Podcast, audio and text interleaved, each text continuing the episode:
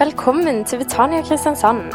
Vi håper du blir velsigna av å høre denne talen.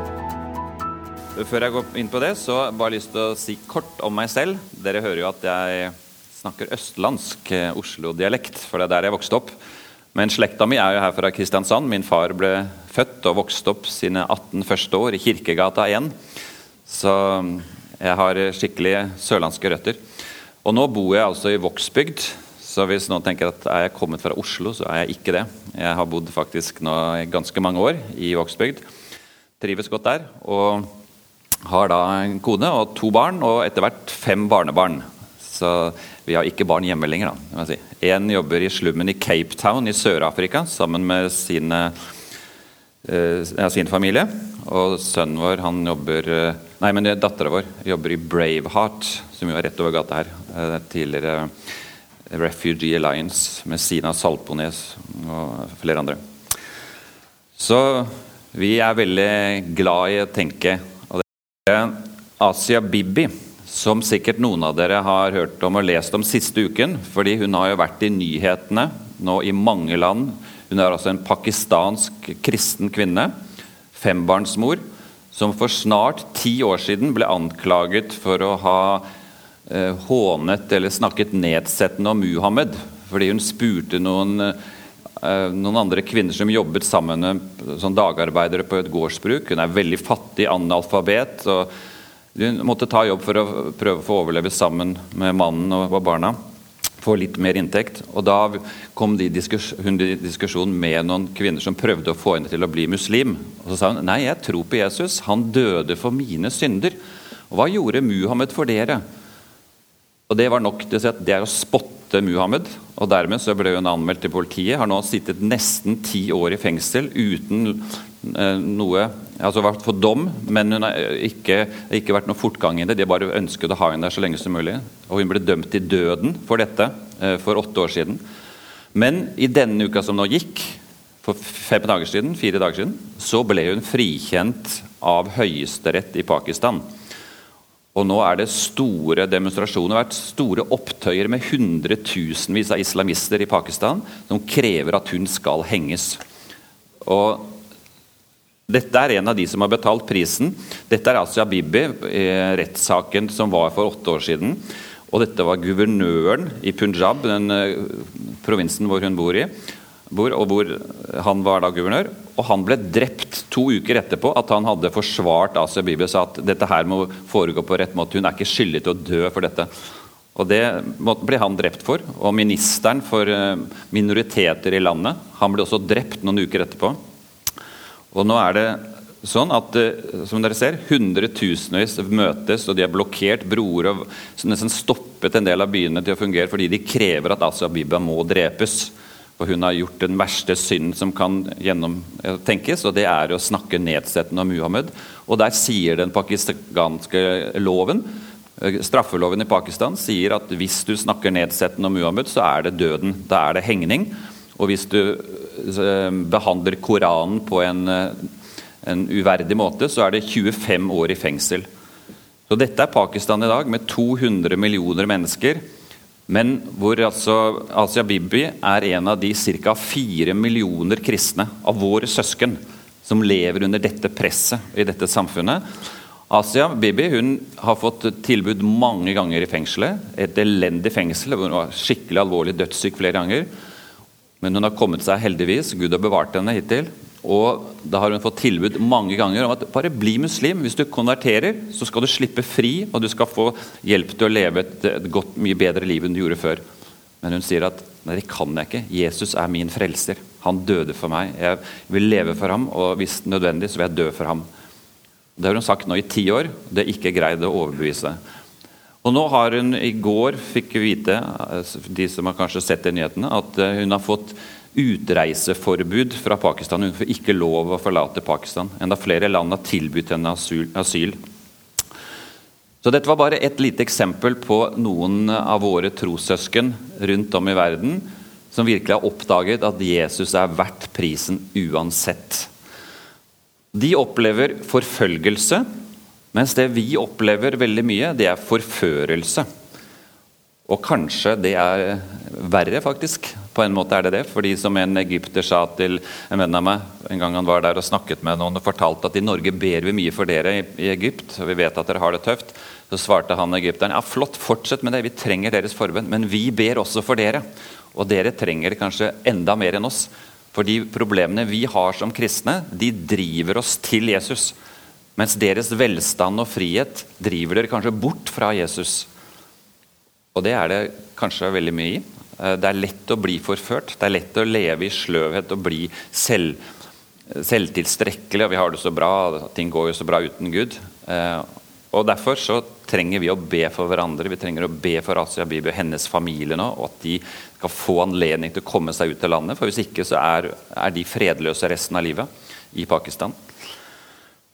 Og Det som eh, jeg har lyst til å dele da som et innledende bibelvers, det er dette som har vært mitt favorittvers helt fra jeg var 15 år gammel. Jesus sa, 'Hvis dere blir i mitt ord, er dere virkelig mine disipler.' 'Da skal dere kjenne sannheten, og sannheten skal gjøre dere fri.' Og Det har med å bli i jordet, virkelig kjenne Jesus, at Jesus blir sentrum i vårt liv, som vi sang i den siste sangen her også. Og da er vi disipler og Vi sang en annen sang her også 'Gå hvor enn du leder', eh, og hvor du kaller. Og Det er jo også utrolig viktig. Det å være disippel det er jo å vandre med Jesus. Det er å følge Jesus. Og da skal vi få kjenne sannheten som gjør fri. Og som Asia Bibi og millioner av våre forfulgte trossøsken også opplever, at de kan oppleve friheten i Kristus i fengselscella og i forfølgelsen, på flukt fra folk som vil drepe dem, eller som ikke ønsker at de skal bo der de bor. Så det er utrolig sterkt dette med å være i nærkontakt med mange forskjellige eh, mennesker i vår store verdensvide familie, som jo består av nå er det sannsynligvis 2,5 milliard mennesker i verden som tilhører en kirke. Det er mange av dem som ikke er levende kristne, men det er i hvert fall hundrevis på hundrevis av millioner som brenner etter å følge Jesus uansett hvor han leder. Og så er det dette temaet da, som er eh, det jeg skal snakke mest om, da, om ekteskapet, barnet og Bibelen, i en tid her i Norge hvor mange blir forført. Etter, sånn som jeg ser det. Eh, du må ikke være enig i alt det jeg sier i dag, selvfølgelig, men eh, dette er et, si, et vitnesbyrd fra hvordan jeg ser på disse spørsmålene. Og det som jeg tror, det er jo at det vi nå opplever i Norge, det er jo nettopp dette med å ikke ta Guds ord og ikke bli i Guds ord på, på virkelig, men det er å omtolke, det er å tenke at Bibelen inneholder Guds ord. Bibelen er ikke Guds ord. Eh, men vi må finne ut hva som egentlig er Guds ord. Resten kan vi legge til side. Og Det har veldig mye med bibelsyn å gjøre. Og Når folk spør meg, eh, som har vært med i denne jeg vil si åndskampen og kulturkampen nå i en del år, så er det en del som spør meg hva er motivasjonen din. Hvorfor holder du ut med dette her år etter år når du har holdt på over 15 år? Hva er det som driver deg? Liksom? Er du bare opptatt av dette?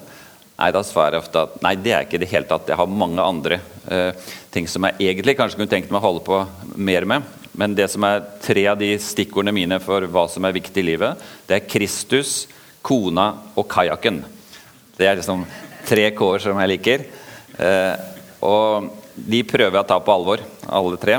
Eh, sånn at det blir balanse. Livet er ikke bare én ting. Det er sammensatt av veldig mye. Og som vi har snakket om i dag også, velsignelser og gaver. Vi er så rike her både i dette landet, men også fordi når vi har funnet Jesus som skatten og perlen, som det er verdt å leve for og verdt å dø for, så merker vi det at da Skal du bare få bort eh, det der. Så, så er det virkelig noe som gir rikdom og gir mye glede. Masse glede. Men det som er min motivasjon, det kan samles i noen andre ord på K. Eh, hva er motivasjonen for å delta i denne kultur- og åndskampen? Kanskje du kan gjenkjenne deg i noe av dette, disse stikkordene også. Ikke bare på dette temafeltet som har med familie å gjøre, men sånn generelt også. I det kristne livet, i dette med å følge Jesus. For det første er det kjærligheten til Gud, til Jesus. Jesus sier jo at det å elske Gud av hele sitt hjerte og hele sin sjel, av all sin kraft og av all sin forstand. Det er jo det største og første budet. Og så å elske sin neste som seg selv. Så kjærlighet både til Guds ord, til hans skaperordninger, til barnet, til alt det Gud har eh, både lovt oss og, og gitt oss bud om, men også til våre medmennesker og til våre meningsmotstandere. Virkelig vise kjærlighet og radikal kjærlighet. Vi ønsker andres beste.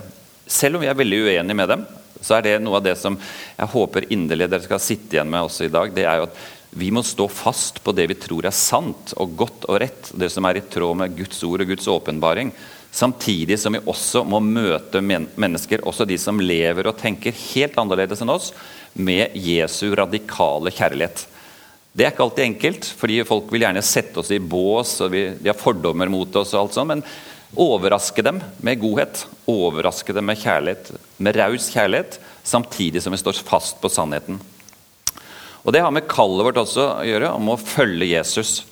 Forsvare hans ord, hans sannheter, samtidig som også ligner mer og mer på ham. Fordi vi er i nærkontakt med ham daglig og lever i ordet og lever i det kristne fellesskapet og får styrke gjennom det. Og så er det å se konsekvensen av hva dette er for noe. Det er en utrolig bagatellisering og overfladiskhet i mange av disse spørsmålene.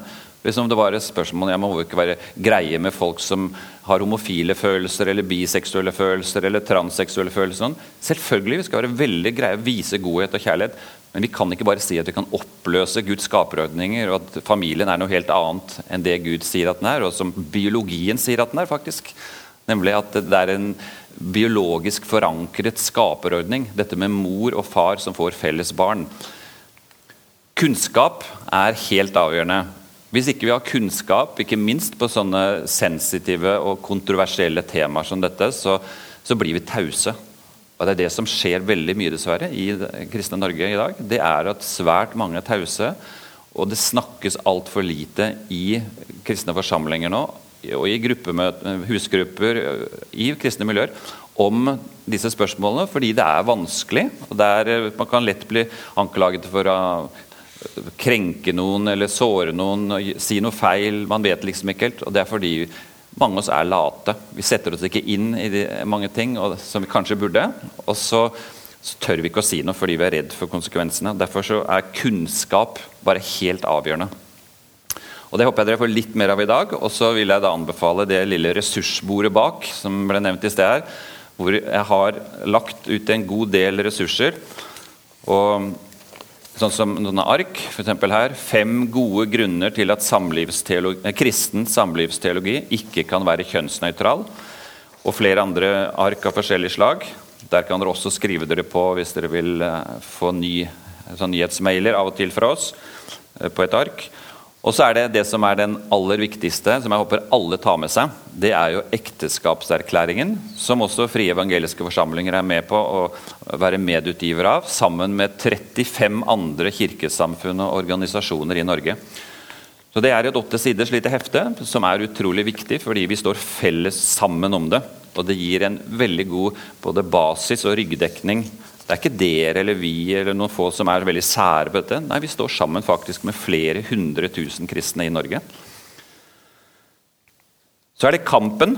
Vi må bare innse, altså som jeg har skrevet i overskriften her, det er en kulturkamp og en åndskamp. Jeg tror på aller høyeste nivå. For det er med på å, det har så mange ringvirkninger. Så mye som skjer med menneskelivet, med synet på barnet, på seksualitet, på hva egentlig, hvordan barn blir født, hvem er foreldre osv. videre, Og så får vi kraft underveis, er jeg overbevist om. Ikke bare når vi er engasjert i dette temaet, selvfølgelig ikke. Men andre temaer, hva som helst, når vi går i tro fordi vi ønsker å følge Jesus. Når vi virkelig tar ham på ordet, når vi kommer ut av komfortsonen. Og virkelig tar noen eh, risikoer. Vi vet, ikke, vi vet ikke hva som vil skje, hvordan dette vil gå, men vi gjør det i kjærlighet og i tro til, til, Gud og til, til Jesus. Og Da syns jeg det er veldig flott at ordet 'kraft' på gresk, som jo Nytestamentet er skrevet på, det er dynamis. Og det kjenner dere sikkert, eller hører også, at dynamis ja, det har jo med dynamitt å gjøre. Med dynamisk. Og også med ordet dynamo. Og Det synes jeg er veldig flott illustrasjon som jeg bruker ofte. Nemlig at vi får kraft når vi gjør som dynamoen kommer i bevegelse. Da produseres det kraft. Hvis dynamoen bare står stille i garasjen eh, på sykkelen eller bilen, så skjer det ingenting. Ingen kraft. Det produserer ingenting. Men når dynamoen kommer i bevegelse, og vi også kommer i bevegelse på Jesu løfter, på Jesu ord, går i tro, så får vi kraft underveis. Det er det også sånne som Asia Bibi og millioner andre kristne kan vitne om midt i, i de store problemene de har, at vi får kraft underveis. Det er tøft, det er veldig vanskelig, men Gud gir oss kraft. Og vi ber også om visdom og kjærlighet til våre, de som ønsker oss vondt. Og jeg synes Det er utrolig flott det bibelverset som eh, Paulus eh, skriver, og som vi kan lese da i 2. Timoteus 1,7. 2. Timoteus 1,7, Der står det i den oversettelsen 2011 eh, Gud ga oss ikke en ånd som gjør motløs, men en ånd som gir kraft, kjærlighet og visdom. Er det noe vi trenger på alle livsområder, så er det dette. altså. Kraft, kjærlighet og visdom. Så Det er et veldig flott uh, oppmuntringsord. Altså, motløsheten kommer ikke fra Gud. Vi skal ikke være mismodige, men vi skal heller ikke være hovmodige. Tro at vi er bedre enn andre og se ned på andre. På ingen måte. Men vi skal være frimodige. Det er denne gylne middelveien, balansen i livet. Ikke mismodig, ikke hovmodig, men frimodig. Hvis jeg skal gå på noen av de spørsmålene som, eh, som svirrer i luften, og som veldig mange har diskutert de siste, de siste, årene, og som fortsatt er like aktuelle, så er det jo dette her eh, om hva er egentlig ekteskapet? Er ekteskapet Guds skaperordning for én mann og én kvinne? Eller er ekteskapet en menneskelig oppfinnelse som vi står fritt til å definere som vi vil? Bare for 15 år siden og 20 år siden så var det helt selvsagt for jeg vil anta 99% av befolkningen. Mens i dag er det full forvirring og langt inn i kristne sammenhenger. Hvor liksom, det blir ikke tatt på alvor at ekteskapet det er faktisk en gudgitt skaperordning som ligger i biologien også. Det er kun mann en mann og en kvinne som kan få barn sammen. Og det har veldig mye med ekteskap å gjøre. Er kjønn avhengig av hva vi føler, eller er kjønn bestemt av biologien? Det at alle kvinner har XX-kromosomer i alle kroppens celler, og menn har XY-kromosomer i alle kroppens celler.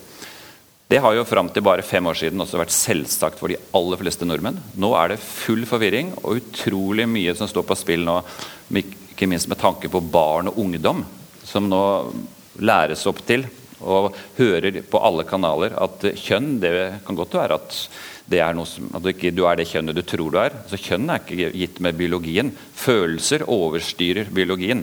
Så Hvis du føler deg som det motsatte kjønn, så kanskje du er det.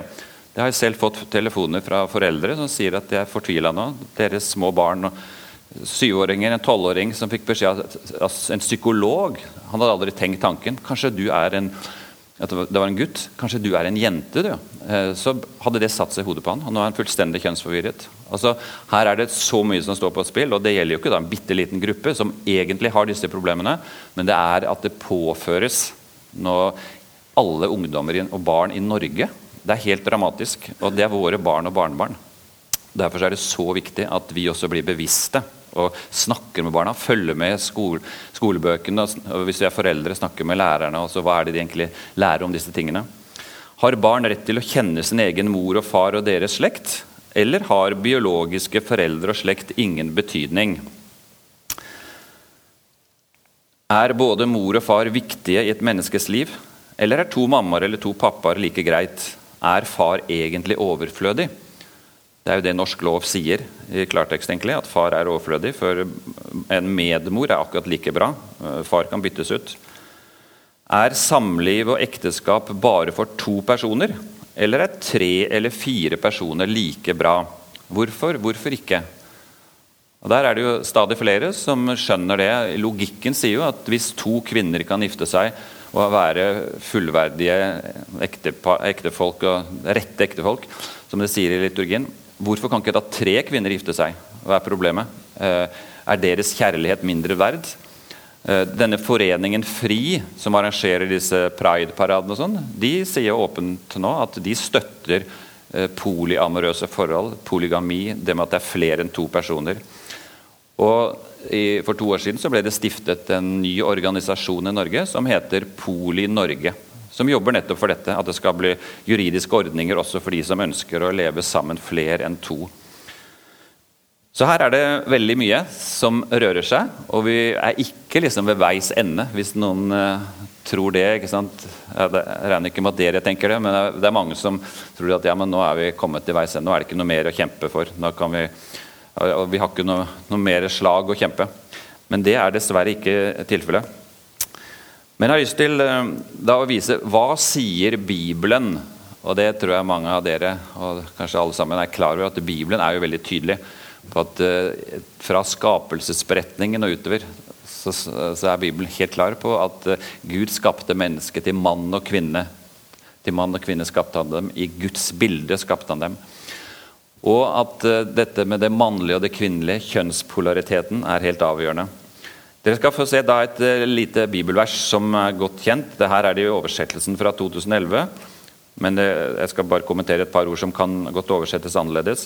Derfor skal mannen forlate sin far og sin mor og holde fast ved sin kvinne, og de to skal være én kropp.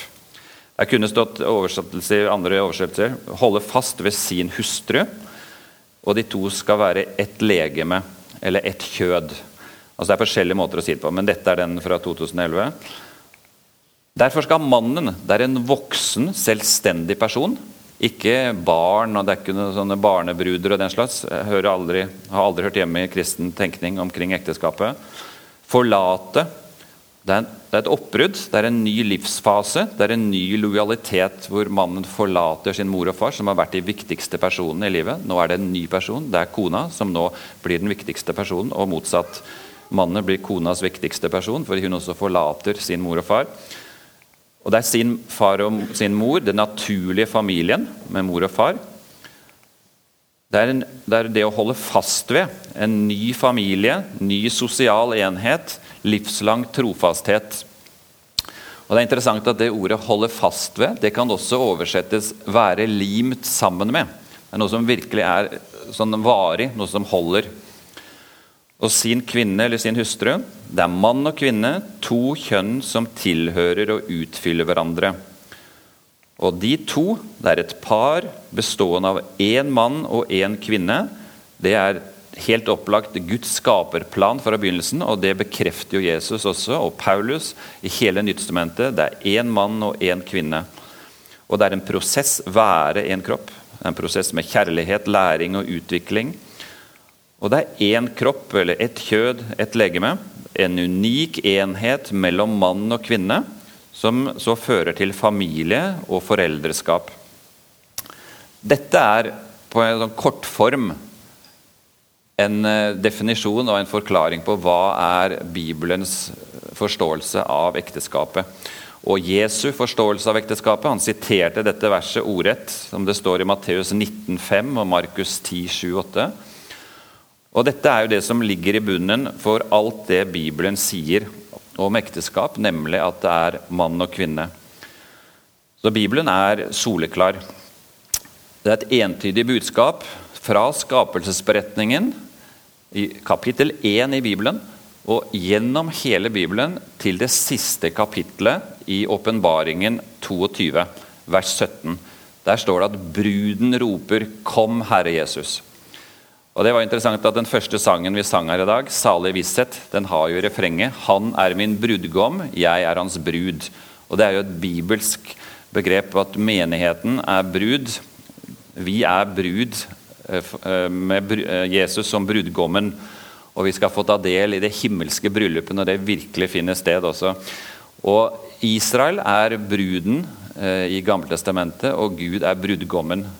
Og så er det jo mange sammenhenger hvor det står domsprofetier og mye forskjellig, fordi denne bruden er tro, troløs. Hun er utro. Hun driver med mange andre guder i stedet for den hun egentlig tilhører. Og Det er jo interessant at mange salmer og mange sanger handler om dette. Fordi det er et sentralt tema i Bibelen. At eh, Kristus er brudgommen og menigheten er bruden.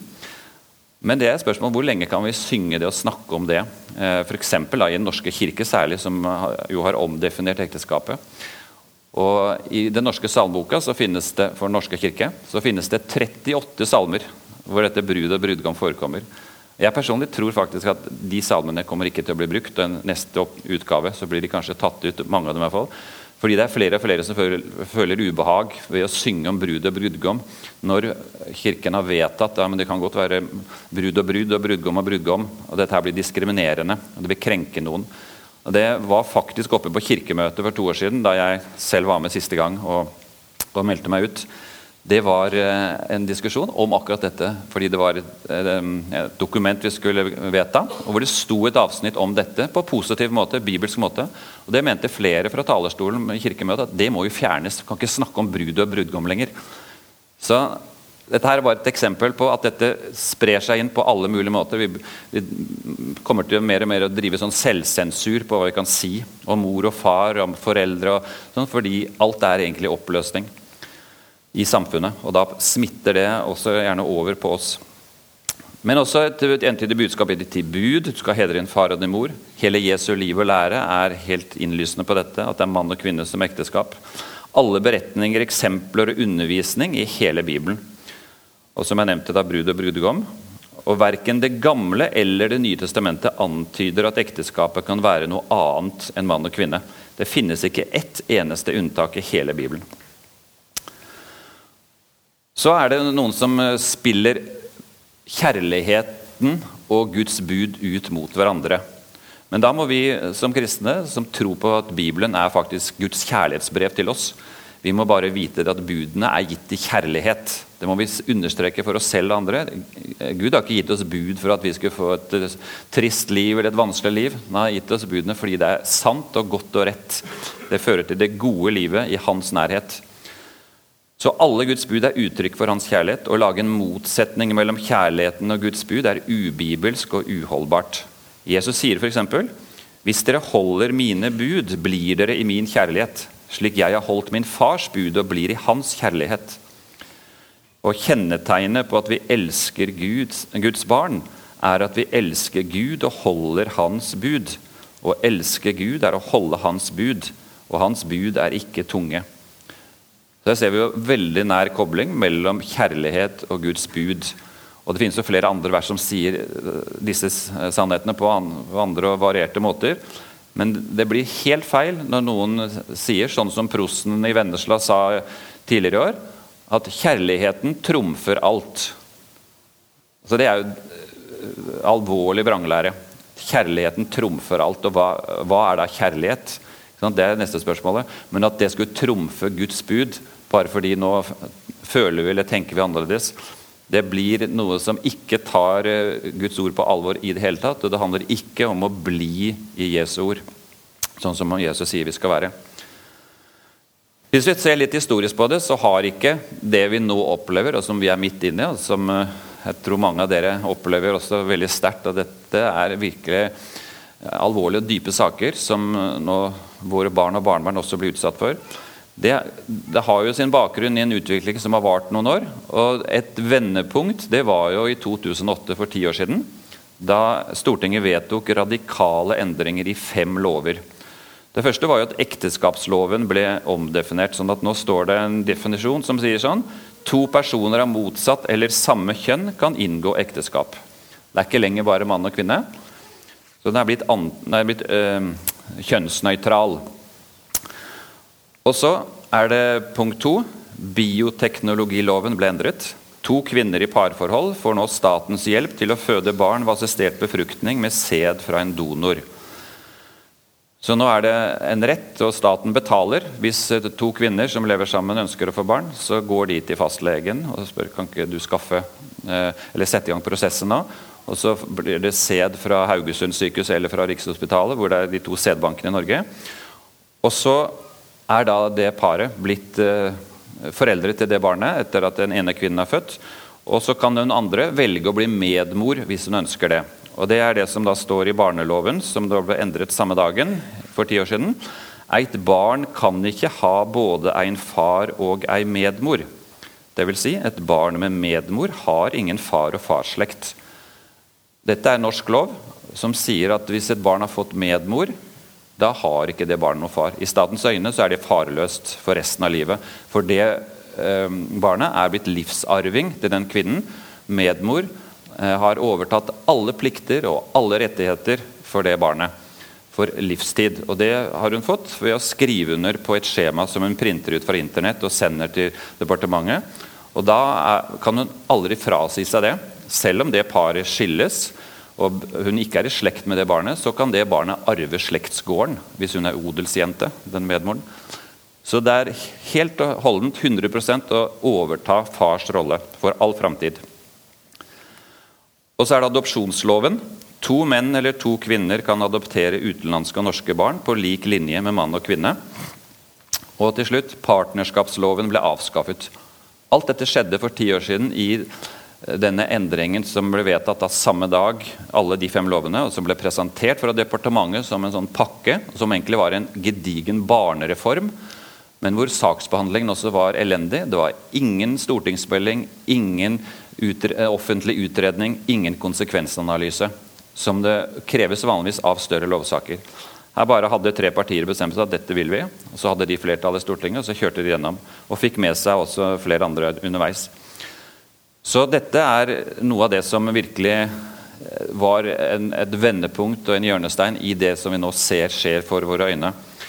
Og noen av de usannhetene om ekteskap og barn som norsk familielovgivning nå bygger på, og som vi kan si også Den norske kirke etter hvert nå bygger på, selv om ikke det er blitt så tydelig ennå, så er det det som ligger i hele eh, denne omdefineringen av ekteskapet. For da sier du at kjønn er ikke noe viktig. Kjønn er helt uvesentlig. Mann og kvinne spiller ingen rolle. Og da sier du også at barn trenger jo ikke sin egen mor og far. Og du sier også at eh, biologi er jo uvesentlig. Så Vi skal se på tre av de eh, tingene som denne lovgivningen og all tenkning omkring dette også sier, hvis man mener alvor. Ekteskap er ingen skaperordning eller fast definert institusjon med konkrete kjennetegn. Ekteskapet er en elastisk institusjon, en såkalt sosial konstruksjon som vi har funnet opp, som politikerne kan gjøre som de vil med som det rådende stortingsflertall har mandat til å definere og omdefinere som de måtte ønske. Og det er da det kommer inn også, ja, Hvis ekteskapet kan, kan være for mann-mann, kvinne-kvinne, hvorfor kan det ikke være for flere også? Og Det er det jo eh, mange som mener, og de ser at logikken tvinger jo det fram. Så jeg tror personlig at vi får polyamorøse eh, juridiske rammer rundt sånne tre og fire, trekanter og firkanter og sånn, av flere som vil bo sammen eh, om ikke så mange år. fordi her er det en dynamikk som er veldig tydelig. Når du har sagt A her, så er det veldig vanskelig å si at vi må stoppe der. Nei, for Det er jo de samme argumentene, den samme retorikken om diskriminering, om rettigheter og selvrealisering og sånn. Så er det mor-far-barn-relasjonen. Sier da denne tankegangen i både lovverket og hos mennesker som tenker sånn, den er ikke unik. Den står ikke i noen særstilling. Den kan like godt erstattes av andre relasjoner. Mor-far-barn-relasjon er bare én variant blant andre like naturlige og verdifulle normalvarianter. Det som har skjedd det er, samfunnet de siste ti årene, det er at alt som heter idealer, normer, som sier at noe er bedre enn noe annet på dette feltet, det er blitt demontert. Nå er det sånn helt plant. Alt er like bra. Og du er bare så intolerant og fordømmende, ukjærlig og middelaldersk mørkemann hvis du mener at ekteskapet er for mann og kvinne, og at barn har rett på sin egen mor og far. Og Det har skjedd altså på ti år. Noen mente jo dette før loven kom, altså la oss si 15 år. 20. For 20 år siden så var det omtrent ikke en eneste nordmann, bortsett fra aktivistene, som var enig i sånn tenkning som dette. Og nå på noen få år altså, så har ting snudd seg fullstendig på hodet. Og Det er ganske spesielt sånn historisk at så viktige, grunnleggende ting i menneskelivet har bare plutselig blitt snudd opp ned. Og Ikke det at det er liksom tillatt, nei, nå skal det være normen. Og vi andre som da er uenige i dette, vi må bare tie stille, for vi er bare så ukjærlige og ufyselige. Så dette er veldig sterk åndskamp, veldig sterk kulturkamp, og som vi må ta stilling. Vil vi delta i dette, eller vil vi bare følge med strømmen? Eller vil vi prøve å være nøytrale så lenge det er mulig? Eh, etter hvert blir ikke det mulig. Og Det siste punktet det er jo at blodsbånd, slekt, arv, gener og biologisk tilhørighet er uvesentlig i et menneskes liv. Sammenhengen mellom seksualitet og fruktbarhet, sammenhengen mellom barn og foreldreskap og familie er uten betydning. Det som er viktig for barn, er at de har gode omsorgspersoner. Så Sånne programmer for som sånn Tore på sporet Og det var en annen serie også, 'Hvem tror du at du er?', som gikk på det å finne sine røtter. Det sier jo denne nye ideologien. Det er helt uvesentlig. Altså, det er bare være interessant for noen, men altså, det er god underholdning på TV. Men det betyr egentlig ingenting. Og det er jo ganske oppsiktsvekkende på en måte, da, når man ser hvor mye det betyr for mange. Hvis du vil se et uh, ganske tydelig eksempel på hva denne type tenkning fører til, hvor biologi ikke betyr noe, hvor hvem som helst egentlig har rett på barn Barn er ikke lenger en gave, men det er en rettighet. Og nå er det altså faktisk blitt en handelsvare. For fertilitetsmarkedet, der hvor man kan kjøpe og selge Man handler med sæd og egg og surrogatmødre og donorer. Det er en milliardindustri nå uh, i mange land. Og eh, Flere hundre norske kvinner drar hvert år til Danmark fordi de ønsker ikke å få barn her i Norge, for da er sæddonor kjent for, eh, myndighetene. sånn at når barnet blir 18 år, når et norsk barn som blir født med medmor og staten har betalt, så kan det barnet eller når det blir 18 år, kan det få vite navn og nasjonalitet på den mannen. Som ikke behøver være norsk, for det er underskudd på norsk sæd til denne type aktivitet. Det kan være en italiener eller en franskmann eller hvem som helst. Og så har den mannen ingen rettigheter og ingen plikter overfor det barnet. Og hvis du er født med sæd fra Danmark, som de fleste er, av disse som er anonyme, så kan den mannen ha 25 barn. For det er lov i Danmark at en sæddonor kan være far til 25 barn. Men i hvert fall, eh, en nettside som eh, har ligget ute, eller et nettsted som er en seriøs nettside som heter foreldre.no, der ligger denne artikkelen fortsatt, som var lagt ut for noen år siden. Det er bare å finne fram kredittkortet og bestille drømmebabyen. Og Det er da en fire siders artikkel som beskriver hvordan, gå, hvordan kvinner kan gå fram hvis de vil få barn fra Danmark med sæddonor, og hvor mye det vil koste. Det er en del titusener, og jo flere penger du betaler, jo mer får du vite om den donoren. Du kan til og med, hvis du er heldig, da få lydfiler fra da barnet, den mannen var barn, og se bilder da han var baby og som treåring og femåring. Og du kan tenke at sånn kanskje mitt barn vil ligne hvis jeg bestiller sæd fra den mannen. Så det står under tittelen her 'Kjøper seg drømmebarnet'. Som, eh, der står tittelen, og så står det her i ingressen, som ikke dere greier å lese, tror jeg. Ønsker du et barn med en kjekkas med høy utdannelse og mørkt hår? Eller vil du ha en lys og blåøyd baby? Det er bare å finne fram kredittkortet og bestille drømmebabyen. Og Så står det da fire siders bruksanvisning på hvordan du kan gjøre det. Og Dette er ikke science fiction. Dette er ikke noe som kanskje kan komme. Uh, hvis jeg hadde sagt dette uten at folk visste sammenhengen, så ville de Nei, dette er skremselspropaganda, Benstad. Nå må du holde, holde, kjeft der. Nei, dette er noe som skjer her og nå. Uh, hundrevis av norske kvinner gjør dette hvert år. Og tusenvis av andre fra andre land. Så dette er, har jo ingenting med homofili å gjøre, har jo ingenting med den type tematikk, men dette har med hvordan blir barn til? Har, er barn en rettighet, en handelsvare, eller er det en gave? Har mor og far noen betydning? Og så, videre. så vi ser at her er det et enormt område som etter hvert blir okkupert av en helt ny tenkning, og hvor vi som kristne som har et bibelsk fundament her, kommer til å bli i mindretall. Det er ikke sikkert vi er det enda. Det kan virke sånn i media, men det er jo de som roper høyest, og som har fått definisjonsmakten, som dominerer. Men uh, i hvert fall så tror jeg vi blir helt sikkert en uh, tydelig minoritet etter hvert for de kristne som står fast, og som virkelig er villige til å betale en pris også. Fordi vi tror at det som er sant og godt og rett, det som er bibelsk, det må vi bare forsvare.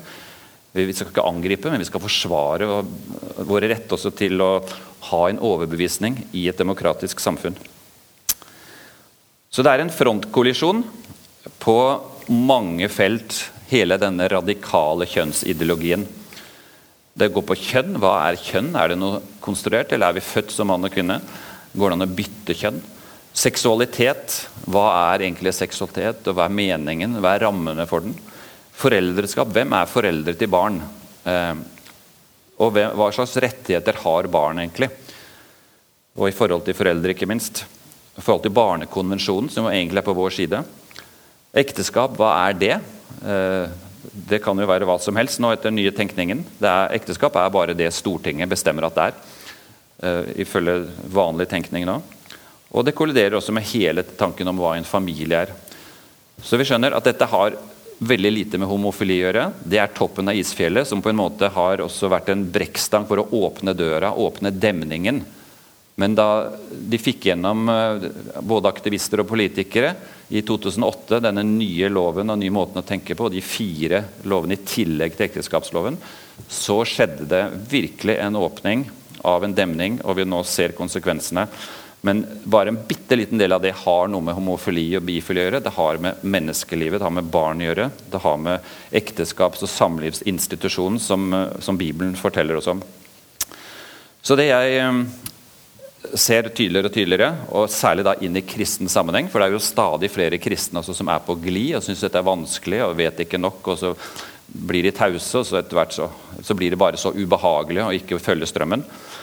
Men det er jo det som Paulus sier i um, andre korinterbrev, som er et utrolig sterkt uh, vers, det er at dere tåler det svært så godt når noen kommer og forkynner en annen Jesus enn ham vi har forkynt, eller når dere får en annen ånd enn den dere har fått, eller et annet evangelium enn det dere har tatt imot.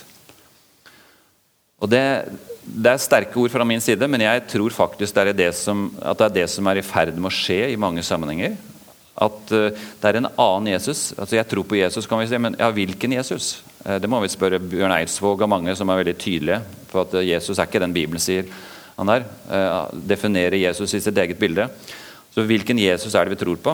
Er det en som har gitt oss også klare bud og regler, eller er det bare en som er bare så kjærlig og så snillist at ingenting er galt? Det finnes ikke synd en annen ånd. Eh, hva slags type ånd? Er det tidsånden, eller er det Den hellige ånd som, eh, som styrer det, vår tanke og våre handlinger og, og, våre holdninger i forhold til andre mennesker? Et annet evangelium. Hva består egentlig evangeliet i? Eh, eh, synd og nåde, frelse og fortapelse. Er, det, er sånne ord i det hele tatt lov å bruke lenger? Så jeg har mye mer jeg kan si om disse tingene. som du skjønner. Jeg har seminarer på fem timer, og sånt, så jeg skal begynne å avslutte nå her. Men jeg håper at mange av dere tar med dere eh, ressurser bak på bordet der. Og at dere virkelig eh, ja, leser og gjerne studerer det, for her trenger vi kunnskap. kort Og godt. Og på nettsidene til Mor, far, barn, det er jo morfarbarn.no, der ligger det masse nyttig materiell også. Så det å sette av litt tid og krefter og energi i ukene og månedene framover så at dette her skal jeg sette meg bedre inn i, sånn at jeg kan være trygg når jeg prater om tematikken. Det er veldig lurt, for dette går ikke over. Det er ikke sånn at om to år så slipper vi å tenke mer på dette. Dette kommer til å, hele vår generasjon er overbevist om at dette blir et hett tema. Og Jo tidligere du føler deg trygg på hva du mener og hvordan du kan snakke og argumentere, så er det veldig lurt av deg selv. Så slipper masse ubehag for din egen del.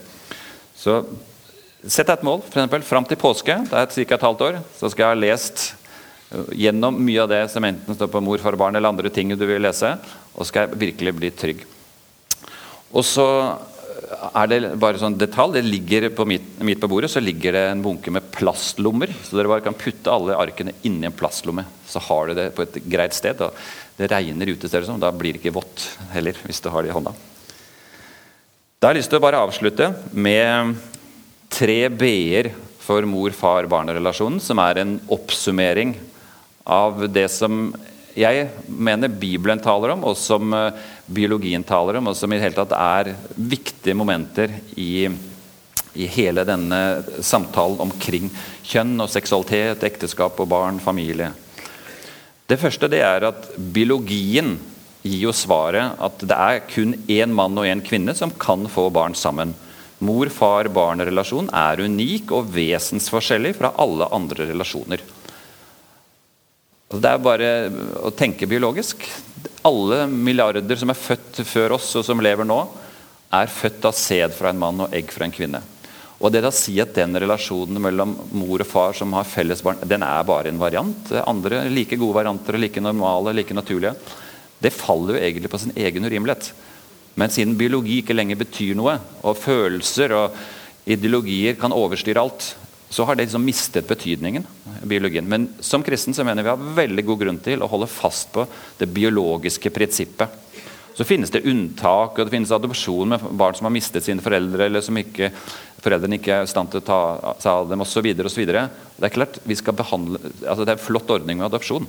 Og alle andre varianter som vi syns ikke er så bra. ok, Vi skal møte de som står for det, med all den kjærlighet og bygge broer av tillit og respekt. Men vi må også trekke grenser av sannhet.